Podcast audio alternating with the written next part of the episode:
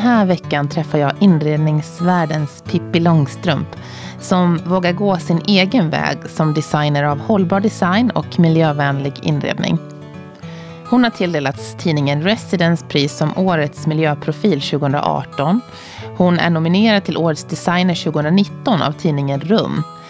Hon är också aktuell som en av dem som fått möjlighet att vara med och forma och inreda nya Nationalmuseum. Lever hon som hon lär och vilka råd ger hon till oss som vill inreda mera hållbart? Välkommen till Inredningspodden, Emma Olbers. Tack. Hej, Johanna. He hej. Och grattis till priset. Tack så mycket. Du har fått ett pris, Årets miljöprofil 2018. Precis, utav Residence. Eh, det känns ju jättekul. Eh, det känns ju kul på två sätt, tycker jag.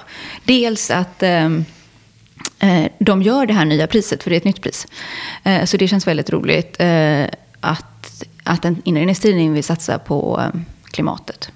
Och sen så är det väldigt kul att jag får det, såklart. Ja.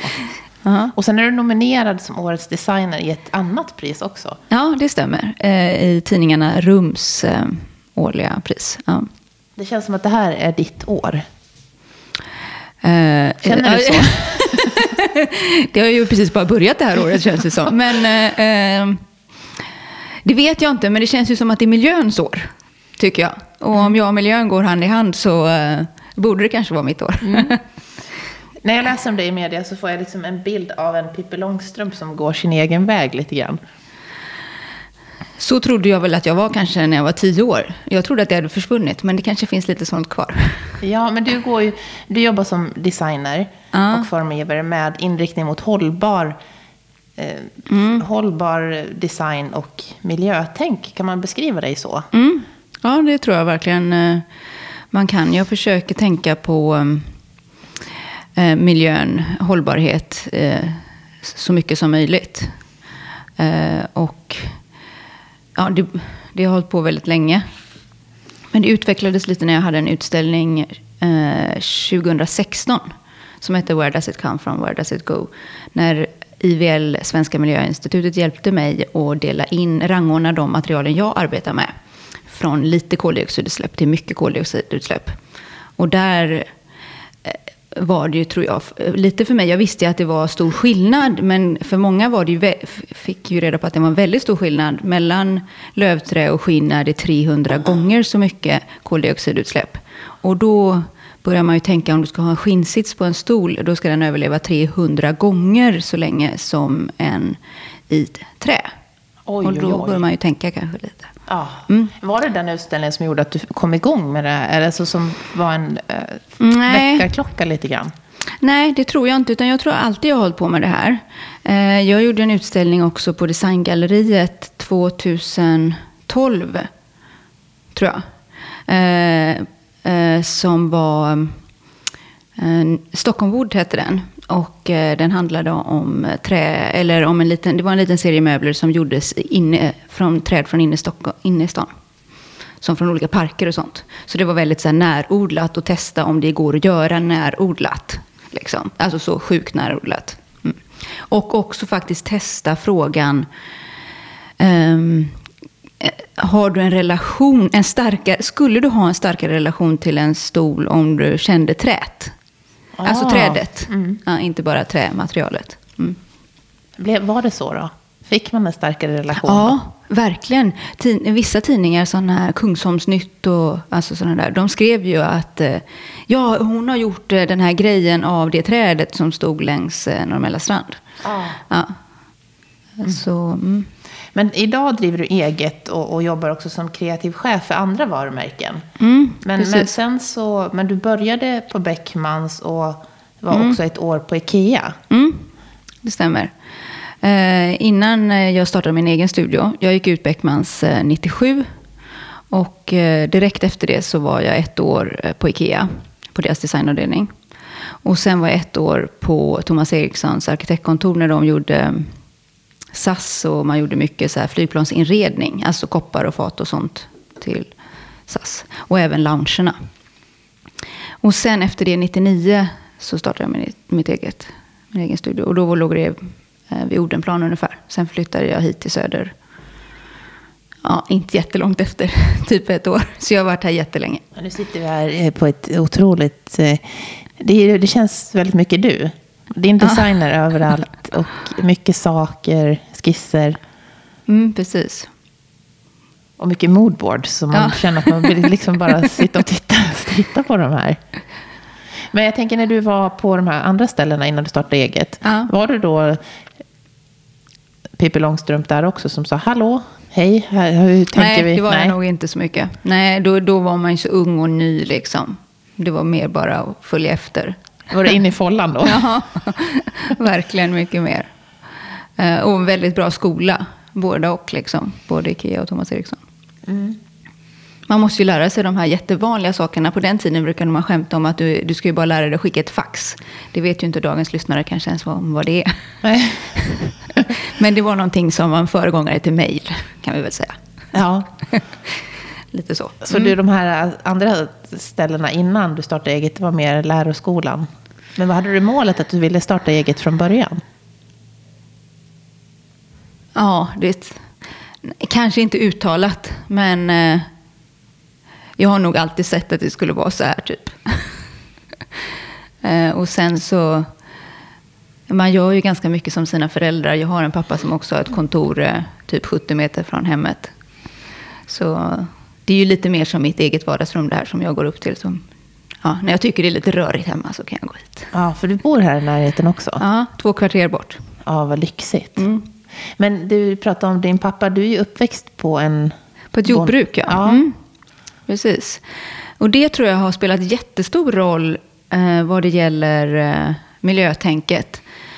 Eh, ur lite, ja, kanske inte från den, det hållet man först tänker, men jag gick dels en miljökurs 2008 eh, som är en kurs för, eller var en kurs då för verksamma, så det var inte, ja, man var tvungen att jobba för att gå den här kursen. Eh, och då var det väldigt mycket, det var om textilier. Och det var väldigt mycket modebranschen då. Men de som var där var just eh, outdoor, liksom. Ja, alla, alltså, Peak Performance, Haglöfs och sådana där som var outdoor. Houdini, såklart. Och eh, de trodde på något sätt om du är nära naturen, eller då låg, de låg väldigt mycket före alla andra. Och det trodde man kanske för att man rör sig ut i naturen, deras konsumenter gör det. De köper grejerna för att vara i naturen. Eh, och att man får då en lättare förstå, förståelse för det på något sätt. Det som jag tror att jag har fått lättare förståelse för, det är ju dels att jag har varit med morfar och planterat skog. Så att redan när jag var väldigt liten visste jag att det tar liksom 70-100 år. Och han kunde förklara det på ett sätt. Och, sen, och också det här då med att många tycker att det är konstigt då kanske att fårskinn inte är sådär jättebra för miljön. Det är lätt att förstå för mig att det är mycket eh, koldioxidutsläpp såklart eftersom de måste ha ja, tak över huvudet, de måste ha mat några gånger per dag. Alltså det, det är ju som små bebisar, det tar ju massa tid. Ehm, så de sakerna är, är lättare tror jag. Sen så kommer, vi, kommer jag från en gård som är, jag är 50 generationer, så det står massa gamla möbler där. Och då får man också en relation till kvalitet. Som jag tror ehm, har varit med mig alltid. Att jag vill att liksom sakerna ska hålla så länge. Har jag de varit förväntar så- sig det på något sätt. Ja. Har de tagit hand om sina saker Ja, eh, så här eh, byggnadsvårdsmässigt eller? Ja, ganska mycket. Det var ju lite omodernt där någon gång på 60-talet med byggnadsvård. Eh, Men min pappa, min farfar är väldigt gammal. Han föddes 1895 typ. Så min pappa var lite gammaldags uppfostrad. Så att jag tror inte han, han, han ramlade inte riktigt in i det där. ehm, Luta av och... nej, eh, kanske lut, ja, inte luta av kanske, men inte så mycket plastfärg i alla fall. Nej. Så de har i alla fall gjort eh, husen och så i eh, linoljefärg och så och aldrig gått över till plastfärg. Och också, han är byggnadsingenjör. Ehm, och också att man inte skulle ha så plast i husen eh, så att husen andas. Det har de alltid tyckt varit viktigt. Har du tagit med dig nu? eh, Plast Ja, ja. du också? Ja. Jag är ju en riktig byggnadsvårdsfascist. Jag har linoljeisolering i vårt landställe. Ah. Ja, och absolut ingen plast. Nej. Nej. Så när barnen ska ha matsäck Nej, men plast, så har jag plast ju kanske. Men eh, liksom inte i huset. Nej. För det, jag tror ju på det där att eh, det ska inte ha en regnrock på sig. Utan det ska kunna andas. Mm. Ehm, så där har vi ingen plast liksom, i eh, olika delarna i husets väggar. Vilken bra beskrivning. det det Mm. Ja, jag brukar säga det. Ta inte, måla inte med plastfärg. Det är som en regnrock som möglar innanför. Ja, Och så ruttnar tvätt. ja. Eh, Fast det blir ju väldigt eh, klargult och fint precis när man gör det. Men det håller inte så länge. Nej. Så, mm. Då kan man ju förstå när de isolerade med mossa och... Mm. Och vi gjorde, tog faktiskt ut en, gjorde en ny balkongdörr. Och tog ut ett hål i väggen nu då via timmerhus. Och den mossan är liksom helt fräsch. Den är alltså inte helt torr. Utan lite, lite inte, inte fuktig liksom. Men den känns liksom som att den jobbar fortfarande. Ja. På ett jättebra sätt. Och den, huset är från 1895. Så, mm. Ja, det höll verkligen då. Mm, ja. Det höll också den här stormen då på typ 38,5 meter per sekund. Ja. ja. Drabbades ni ganska hårt Ja, ute på... ja, för vi eh, ligger just i en Norrvik.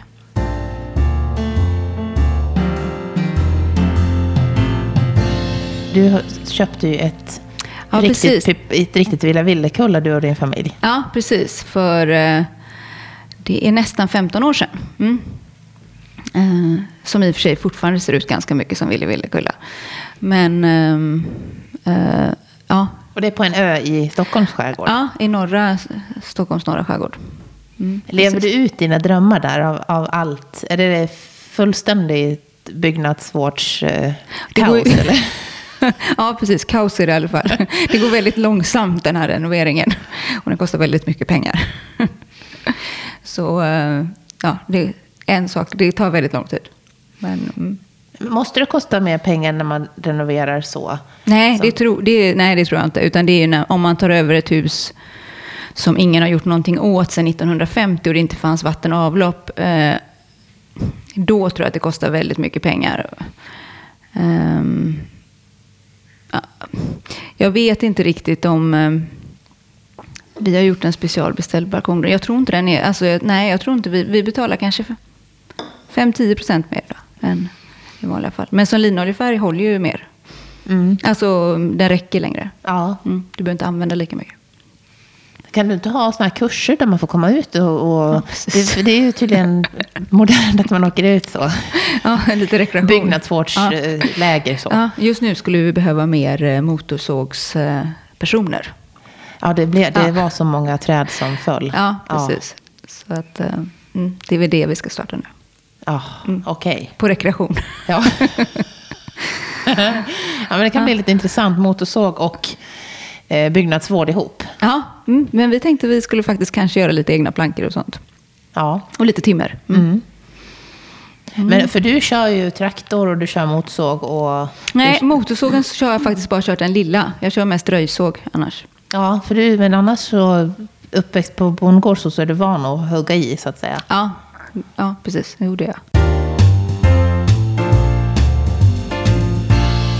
Känner du dig ensam i ditt arbete kring att jobba med hållbar design? Jag tänker när du, när du får, när du jämför med dina kollegor. Ehm, nej, det tycker jag inte. Och sen så, man arbetar ju väldigt lite med designkollegor om man säger så. Alltså, det är oftast bara en designer i varje projekt. Ju. Så det är ju mer kunderna då. Eh, och där känner jag mig inte så ensam. Jag tror att de vet att jag eh, tycker det är viktigt. Liksom. Och eh, det kan ju vara så här, men Emma, godtar du det här då? mer så liksom.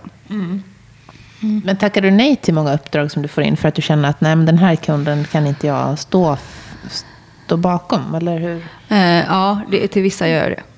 Mm. Men de som vänder sig till dig, är det oftast sådana som har det här, en tydlig bild av att vi vill jobba på det här sättet? Ja, jag, mer och mer i alla fall. Är det så? Ehm, Jag tänker på eh, invigningen av eh, nya Nationalmuseum. ja, Där har ni jobbat ett gäng, Ja, ja både precis. arkitekter och designer och Ja. formgivare. Och det har ju, måste ju ha varit en extrem eh, ära Ja, att ja, få precis, vara med ja. där. För du har ju fått designa det Ja, jag var, precis. Jag var ansvarig för gamla biblioteket där.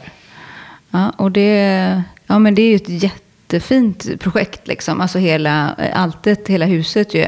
Och de har verkligen ansträngt sig för att anlita många olika designers och arkitekter ju. Hur var uppdraget där?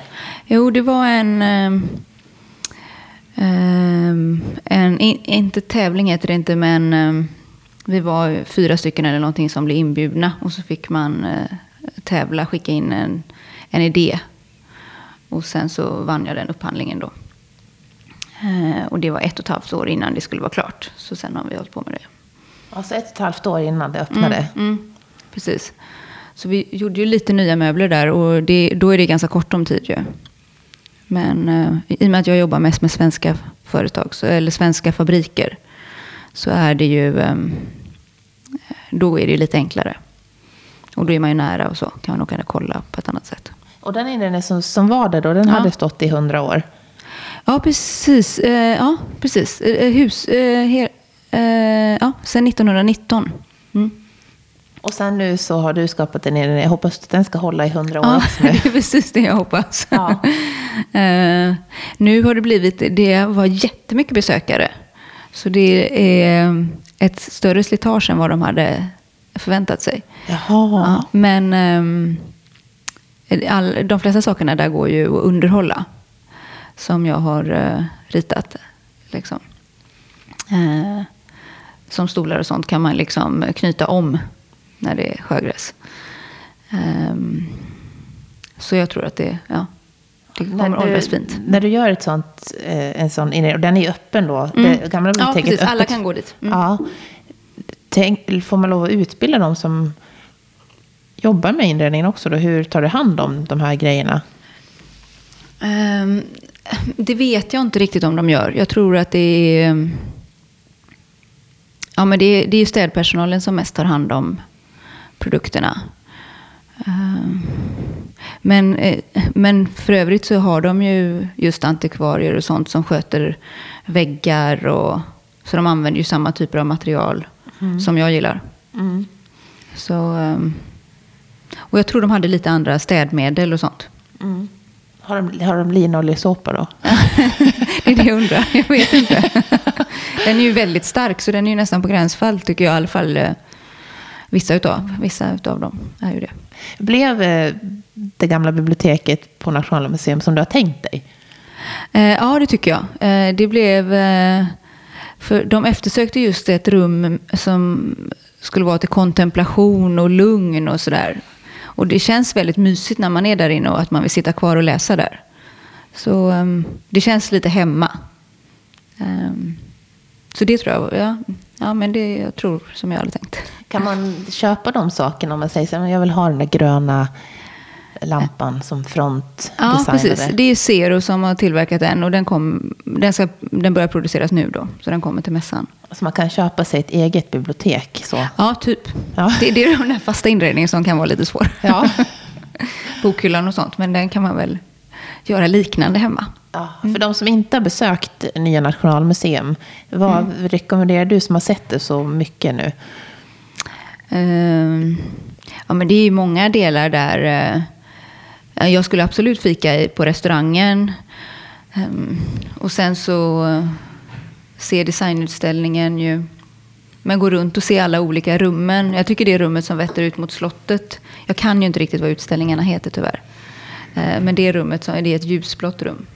Eh, det är superfint med lite, lite blandade skulpturer och sådär. Mm. Så det är ett tips till er som lyssnar att gå till Gamla biblioteket och sen ta en lunch.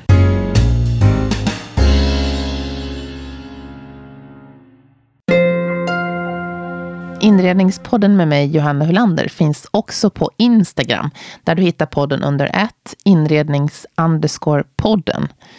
På hemsidan inredningspodden.com kan du också ladda ner alla avsnitt och även anmäla dig till att få nyhetsbrevet som kommer att skickas ut varje månad med start nu i januari. Jag var på en stor inredningskedja häromdagen. Och då tjuvlyssnade jag lite på hur snacket går när folk köper nya möbler. Mm. Då var det några som stod där och sa att ja, men alltså vi köper den här så länge. Ja. Vi, vi, sen får vi se hur länge vi har den och ska köpa en soffa. Mm. Och då tänker jag, hur, hur, hur ser du på den synen? Att man, hur, tror du att det kommer att förändras? För idag är det ju lite slit på det sättet att man köper inredning Mm. och sen så tänker man att ja, nej men man har en soffa några Ja. år. Jag tycker ju så jag vill ju gärna göra ett... Om jag går till mig personligen så vill jag ju oftast göra ett, ett bra köp som håller väldigt länge. Um, och då tycker jag det känns som om man ska köpa det så länge. Då är det ju liksom kanske en fjärdedel eller en tredjedel utav det stora priset. Då känner jag att då sparar jag hellre ett tag till eller så kollar jag på Blocket. Vissa saker på Blocket är ju sådana som du nästan får lika mycket pengar för sen som du eh, fick när du köpte dem. Om man tittar på de här Bukowskis Market eller Stockholms Auktionsverk eller liknande sådana, då, får du ju nästan, då blir det ju nästan bara som att låna dem. Så då skulle jag hellre göra det så länge. Tror du vi kommer att se en förändring av köpbeteendet? På- Ja, på kort jag, jag tror ju verkligen det faktiskt. Jag har ju trott det länge, men nu, eh, nu när man läser mer och mer om att det är blandade med typer av människor som säger att vi ska liksom konsumera mindre och många gör sin eh, klimatbudget och har lite koll på och man ska kryssa i där om det är begagnat eller och det ska gå att underhålla. Och, ja, men lite så här blandade saker. Så känns det ju verkligen, tycker jag, som att det går åt det hållet. Jag hoppas bara att det inte tar för lång tid, för det är svårt för vissa små svenska företag att få omsättning. Ehm, när det, är, det är många som tycker det är konstigt att eh, eh, ja, ett bord kan kosta si och så mycket eller så. Ehm, Och det finns ju några svenska producenter kvar. Ja, det du finns ju jobbar ju, lite- för några. Ja, precis. Det finns ju några kvar. Som till exempel det här bordet som vi sitter vid då. Ehm, och de har ju faktiskt ökat jättemycket i omsättning. Och, eh, och just det här då Landala-bordet som vi sitter vid ehm, säljer på bra. Mm, och det tillverkas ju då. I Ja. Tibro. Ja. Och det är furu. Mm. Mm, det är som ett gammaldags slagbord nästan. Eller så här Eh, eh, långbord. Ja. ja, precis. Ehm, bockbord. Bockbord, ja. Mm. ja det, man vill känna, det man känner riktigt på det, det är så lent. Ja, det är väldigt lent. Eh, och den här kanten är ju eh, mjuk. Ja. Mjukt och välkomnande. Ja, det är den verkligen. Mm. Och det här är ju ett sånt här bra, för det kan man ju måla om om man känner också att... Ja, och framförallt när du... om du har skiva och så i massivträ så är det så här, om du får ett jack i det, då kan du bara hälla i lite vatten där så reser det sig igen. Så är det bara tillbaka som det var från början. Så jag har ju, det här har jag åkt ganska mycket lastbil då och varit ute på olika plåtningar. Och jag fick till och med ett jack i kanten som man tänker är lite mer känslig. Och då satte jag bara en bomullstrasa där med lite vatten och så reste det sig sen. Vilket bra tips. Mm. Men Väldigt det, bra. och det funkar ju bara om det inte är en plastlack på. Utan det måste vara oljat eller såpat eller något, en ytbehandling som rör sig. Alltså inga regnrockar på. Nej, inga regnrockar på, På borden sånt. heller. Nej.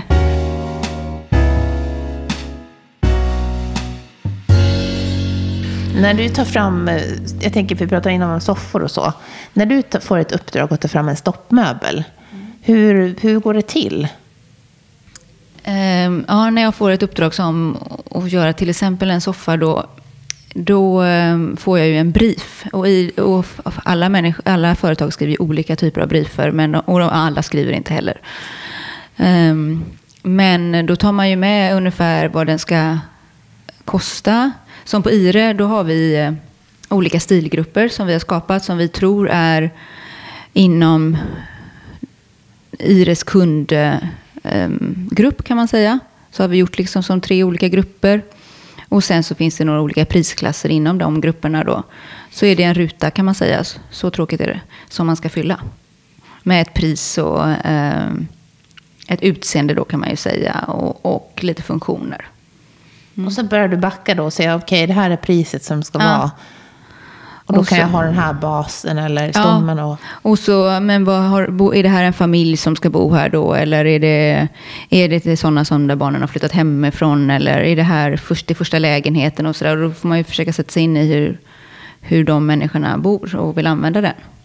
Har du alltid något så här, att de här kriterierna har jag när det gäller stomme, material, textilier och så, att du vet att du, de, de här tummar jag inte på?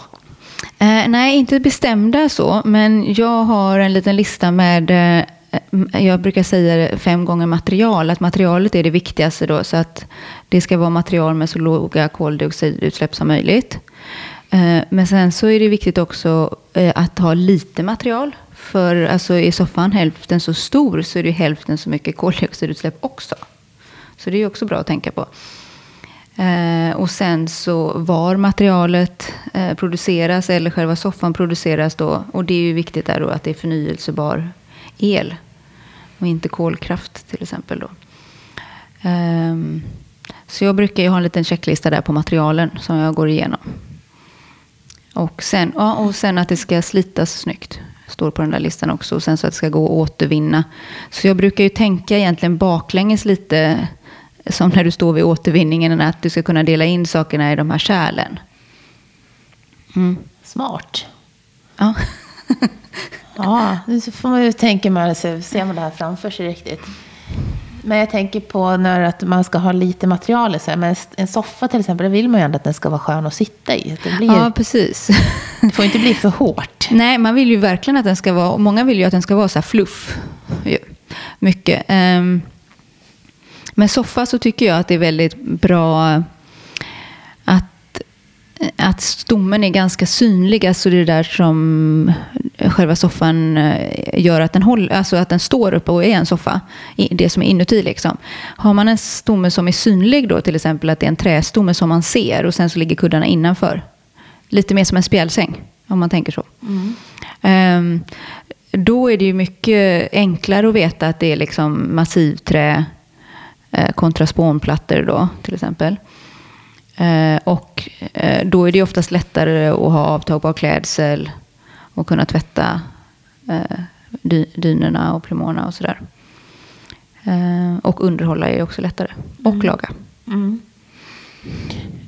En sak som, som jag tycker man brottas med när man jobbar med att blogga om inredning och, och även podda om inredning, det är ju det här, behöver vi verkligen ny inredning? Mm. Det finns ju redan mängder med Precis. begagnad inredning. Ja. Hur, hur tänker du kring det dilemmat?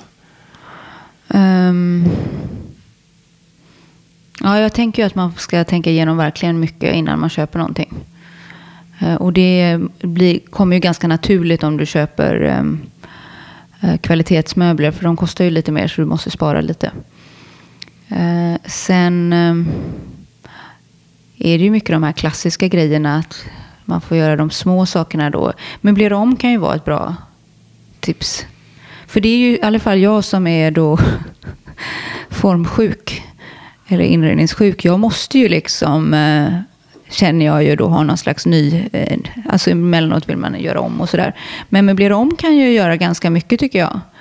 Ehm, Ja, det, det är nog kanske mest möblera om jag gör. Men sen så tittar jag en del på Bukowskis och, eh, och man kan byta lite också med kompisar ju. Eller med sina syskon. Ja. Gör du det med dina syskon? Ja. Har ni lite rundgång sådär? ja, men vi har lite rundgång. eh. Ja, till exempel min syrra, hon fick en lampa utav mig i julklapp som jag hade, som jag hade tröttnat på. Som kommer passa jättebra hos dem.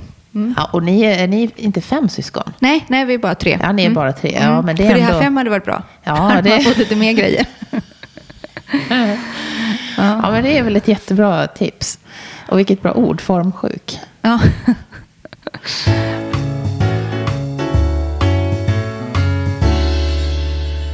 Du gjorde ju en utställning, som sagt, du har gjort flera utställningar om just vilka material som är Ja. bra miljöval att köpa. De som lyssnar nu och vill ha lite enkla tips. Att när man ska köpa ny inredning, vad, vad, vad vill du ge dem för inköpstips i så fall? Eh, det är ungefär som när man handlar mat, att man ska se på innehållsförteckningen. Men det är mycket svårare ju, för det finns inga regler om att det ska stå något på innehållsförteckningen. Men eh, om vi går till de här större möblerna, soffor och bord och sånt, eh, så är det ju väldigt bra att det är massivträ. Um, ehm, och det får man nästan fråga i butiken då om man har svårt att se skillnad på eh, massivträ och faner. För det finns ju då alltså laminat som är fotograferat som trä, som är en plastyta mer kan man säga då, eller det är inte trä i alla fall. Sen finns det faner som är liksom en jätte, jättetunn skiva trä, som en ostskiva, som ligger på en spånplatta då, som är mer som um, en sockerkaka kan man säga. Och sen så finns det ju då massivträ som är en skiva utav ett träd. Och den, den håller mycket, mycket längre. Eh, tål mer slitage. Är det några speciella träslag som är bättre än, de, än andra? Hårdare träslag generellt är ju... Eh, eh, tål ju liksom slag bättre. Eh, så, så, men det, eh, och sen så finns ju eh, asp och sånt där som man gör tändstickor och glasspinnar utav. Men det gör man liksom inga möbler utav. Så man behöver inte vara så orolig att man, om man väljer massivträ, att eh, det ska vara något dåligt, alltså hållbarhetsmässigt något dåligt, alltså att det ska hålla länge. Däremot för miljön så börjar den svenska eken ta slut och ek generellt i Europa börjar ta slut. Eh, precis som orientaliska träd, liksom, eller äkta Eh, så det kan man ju, man ska ju titta efter FSC-märkta träd. Mm. Och sen vet jag att du målar ju gärna då inte med plastfärg. Nej, så ytbehandlingen spelar jättestor roll om du ska kunna underhålla och förbättra. Och är den då oljad, såpad eller vaxad så kan du göra det igen. Själv liksom, bara fylla i eller eh, ja. Och då blir det sliten snyggare. Mm. Mm. Och du använder ju mycket äggoljetempera också. Har jag ja, precis. Sett. Alla tre sekels... Eh, det är ju en 1700-talsmetod egentligen som man använder jättemycket på slott. Uh, och den, är, först i början, den blir hårdare och hårdare hur längre det går. Och då pratar vi liksom egentligen år. så att uh, då ska man vara lite försiktig om de möblerna i början. Uh, så att inte den här färgen slits. Sen så sitter den på jättehårt. Du var inte så populär på tre sekel hörde jag i början när du introducerade Nej. äggoljetempera? Nej, precis. För det var lite svårt. Det var, eh, dels är ska det ju penselmålas. Så det, eller det gör de på Tresekel. Det, det är faktiskt så att eh, vissa sprutar på det. Och det går också. Eh, men det blir väldigt fin, eh, väldigt, väldigt fin yta. Eh, och ett djup i färgerna. Lite som väggfärger om man tänker ferroembol. Det är ju också egentligen äggoljetempera. Um, det finns ju flera olika märken. Eh, det blir ett helt annat djup och färgskiftningar i sådana färger. Mm. Och sen har du ju linoljefärg också som du ja, gärna målar med. Ja, som jag gärna målar med. Men, eh, och det tar ju också, båda de här tar ju lite längre tid att torka.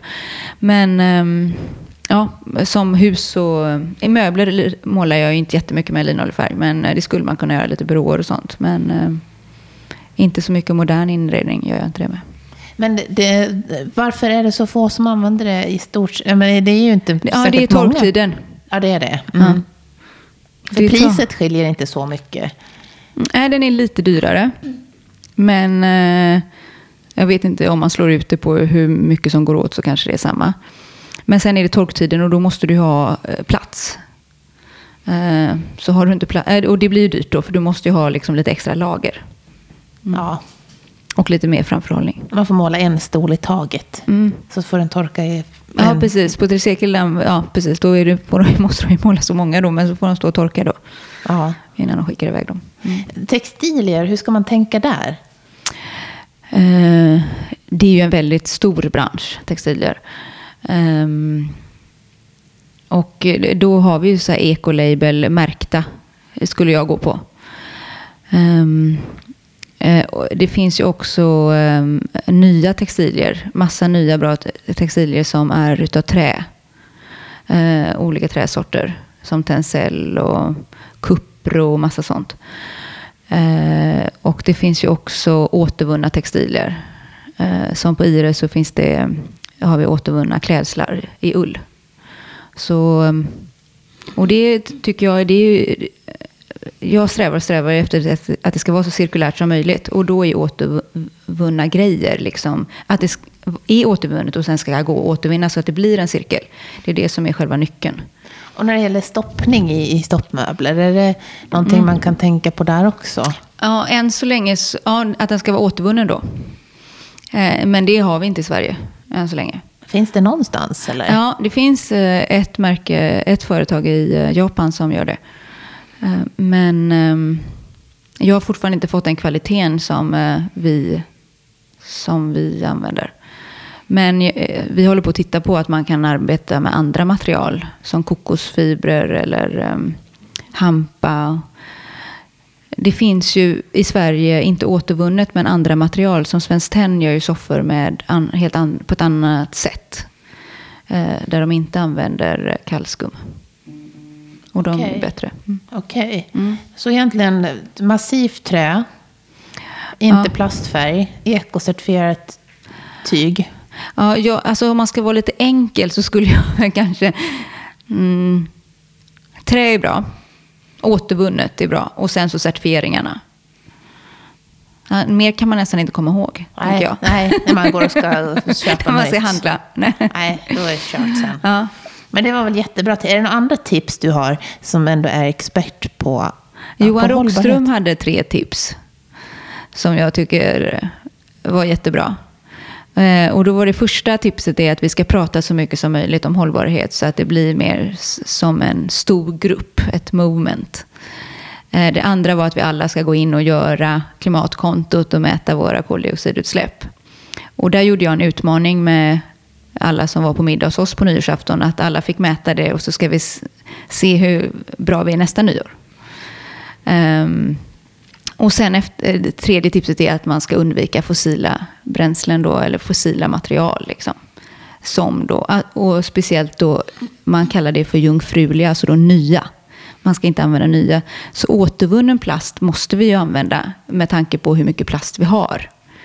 Vi kan inte bara nu göra oss av med den. Den har vi redan, den måste vi liksom använda. Och den tar extremt lång tid innan den... Ja, hur lång tid som... Alltså, jag vet inte. Ja, något, precis. Ja. Så, att, eh, så köp återvunnen plast så mycket det går. Liksom, och se till att den återvinns. Och står det på förpackningarna om det är återvunnen ja, plast? det gör det. Till exempel på Moflora, deras sådana här... Eh, om man köper med sig mackor därifrån så är det återvunnen plast på de där locken. Så det mm. står på locket. Ja. Det är ju en siffra och sen så tre pilar runt siffran. Mm. Just det, det är bra att mm. tänka på. Mm. Och det är lite jobbigt om man börjar säga till om sånt. Så kommer det bli lite jobbigt till slut att driva restaurang om man inte har sånt. Ja, ja men det tror jag också. Ja. Mm, så vi kan ju bli lite sådana. Man kan vara lite jobbig. Man kan också ta bara i smörpapper ju. Ja, mm. precis. Lever du som du lär? Vi pratade om det inledningsvis, just det där med att ha hur du har det hemma. Men jag tänker, jag vet att du ska åka tåg till exempel ner till, till designveckan i Milano. Ja, precis. Då tar jag tåget. Eh, vi tar också tåget sen eh, på semestern med familjen till Frankrike. Ehm, eh, jag äter, har bestämt att jag ska äta kött en gång i månaden. Och då är det sådana här fribetande kossor. Eh, som jag tror att... Ja, det är jättebra tycker jag att, alla, att det är så många som möjligt som blir vegetarianer. Eh, men vi behöver väl ha några kossor kvar. Eh, men väldigt, vi, vi behöver, det är ju så jättemycket mindre vi behöver äta. Så att, eh, det kommer inte vara ett problem tror inte jag. Du känner inte en del av dina vänner som inte är tänker så mycket på mat och så hållbarhet. Och blir, känner de att åh, jag orkar inte tänka på det där? Eller? Säkert. Ja. Nej, men det de tycker ju... säkert att jag är lite jobbig. Men inte, ändå inte så farligt det där med nyårsafton. När jag, för jag skickade det lite som ett skämt på ett sms. Och alla var jättenoggranna och gjorde den där och skickade tillbaka en skärmdump. så att eh, jag tror inte, inte så farligt. Men sen så är det frågan om om man, eh, men vi har två kompisar som fyller 50 år och det verkar som att de båda tittar på tågresor nu istället för att typ flyga till Bahamas som var tanken innan. Det är, ja, för, okay. mycket, det är för mycket skäms på den nu. ja, okej. Okay. Mm. Men har det varit lätt att få med sig familjen på en sån här eh, livsstil? Nej, i början var det kanske inte det, men sen så eh, för något år sedan eller så, så tittade min man på den här Al Gore-filmen. Så det är ett tips, titta på den, den senaste. Eh, och sen så, efter det var det inte några, något svårt alls. Ja, sen var han övertalad. Ja. Ja, det är bra. Var drar du, drar du gränsen någonstans då? Ehm, för hur... ehm, Hur, hur, hur hållbart det ska vara? Det är ju väldigt svårt. Det är ju så eh, på så många sätt och i så många olika plan.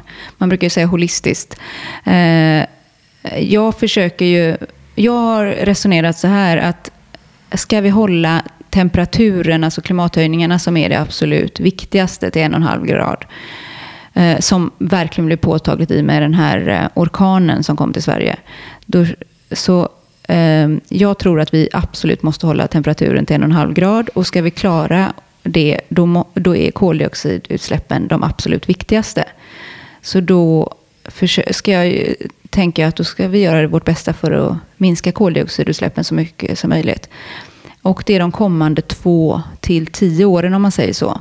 Alltså de kom, först de här två och sen så i steg två då, de nästa tio år, som är de absolut viktigaste, att vi sänker koldioxidutsläppen. Eh, så jag tror att om vi alla kan hjälpas åt nu de här två, tre åren som kommer nu här och vara supernoggranna, så tror jag att mycket kommer ändras sen. Alltså jag hoppas på att vi kommer att ha elflyg och billigare elbilar och sådär. Och då kommer det ju ändras. Mm. Sen har vi ju en... Hur tycker du politikerna jobbar med eh, just att underlätta för svenskt hantverk då, eller svensk eh, design? Finns det någonting som de kan göra där? Ehm, det kändes ju som att den här nya regeringen... Ehm, ehm, att det fanns en del frågor som var både enklare för egenföretagare och flera som var bra för miljön. Eh, jag har inte, de kom ju ut de här 72 grejerna i, typ i fredags. Eller. Men ehm, eh, det skulle ju i alla fall för... eh, Och resandet skulle i alla fall bli lättare. Att man kunde boka till hela Europa på samma sajt. Och sen så att det ska finnas mer nattåg. Så det är ju bra. Nu ska du ut och du har ju kört nattåg nu. Ja. Så nu ska det åkas nattåg. ja. Ja. ja, men det är ju inspirerande och det är så kul att få se, följa dig när du är ute på, på dina resor. Mm. För du finns ju på Instagram. Precis, under Emma Olbers. Ja, då kommer vi kunna följa dig när du åker till Milano nu. Ja, det kommer ni kunna göra.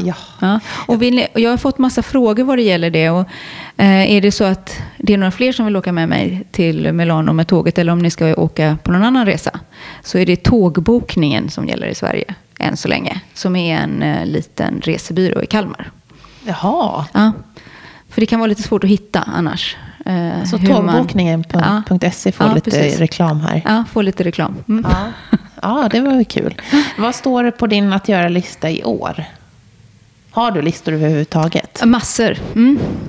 Ehm, ehm, ja, men det, det handlar mycket om att hitta fler återvunna material eh, som slits snyggt. Men på att göra-listan just nu så är jag en av sex som håller på att rita på en bänk till Skogskyrkogården. Så det håller jag på med just nu. Spännande. Ja, och den ska ju stå utomhus då. Så den kommer vara i metall. Men det kan ju vara återvunnen metall. Mm. Det kommer det såklart vara. Har du en sån här eh, lista som du bo- bockar av? Att de här sakerna vill jag göra? Ja, lite så. Jag har eh, eh, en kompis som vi brukar göra en lista vid nyår som vi skickar till varandra. Så har vi avstämning sen i juni. Så det har jag. Ja, Kan du inte avslöja, är det någon punkt sådär som vi kan få ta del av? Kommer inte, alltså, um, nu var det ju åtta veckor sedan jag skrev den där. Ehm, men det var, tåget var eh, vissa grejer då som jag bokade sen.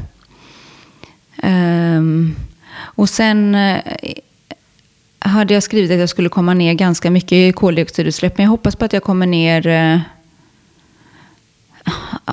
drömmen vore att komma ner till tre. Vi ska ju egentligen komma ner till två ton koldioxidutsläpp per år och person. Ehm, jag hade uppemot nio nu, men då hade jag ju flygit två gånger förra året. Så um, ja, ska se vad det blir nästa år. Ja, spännande. Ja, jättespännande. Ja. Och på tio års sikt då?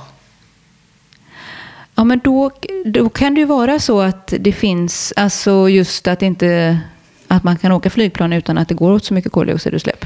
Så då kanske, och också äter vi nog mycket mer plant-based. Liksom. Mm. Både för hälsan och eh, för miljön. Mm. Eh, I den här podden får man ju önska som gäst vem man vill lyssna på. Om det är någon sån här drömgäst som man känner att åh, den där personen skulle vara rolig att få lyssna på. Har du någon sån? Och det ska vara designers då eller? Ja, det kan vara någon som inspirerar dig. Jag, jag tycker hon som är hållbarhetschef på Filippa K. Mm. Mm. Hon verkar väldigt duktig. Tycker ja, jag. Mm. Då får vi se vad ja, hon henne. heter. Vi, vi kollar upp henne. Precis, henne får du kolla upp. Ja. Jag måste fråga dig en annan sak. Var får du inspiration ifrån? Vilka platser går du till och får inspiration? Ja, landet är det ju mycket då. Och sen är det, brukar det vara middagar och sitta och prata med folk. Um, det är ju, um, jag verkar ju vara väldigt lokal alltså. det är ganska mycket runt Nytorget kan man säga och sen så runt landet. Men sen uh, älskar jag ju att resa också. Så det ska bli väldigt spännande med de här interrailkorten. Överallt dit tåget går. dit, dit kommer du åka. Ja. Det finns många platser tåget går. Jag tänkte på Trond, alltså det finns ju mycket norrut också som jag inte har sett. Ja, mm. Inlandsbanan. Mm. Mycket sådana grejer. Så att det, mm. Ja, det blir ja. kul att följa dig i, ja. på Instagram och se vart eh, tåget bär. Ja, precis vart tåget bär. Mm. Men tusen tack Emma. Ja, tack så mycket själv.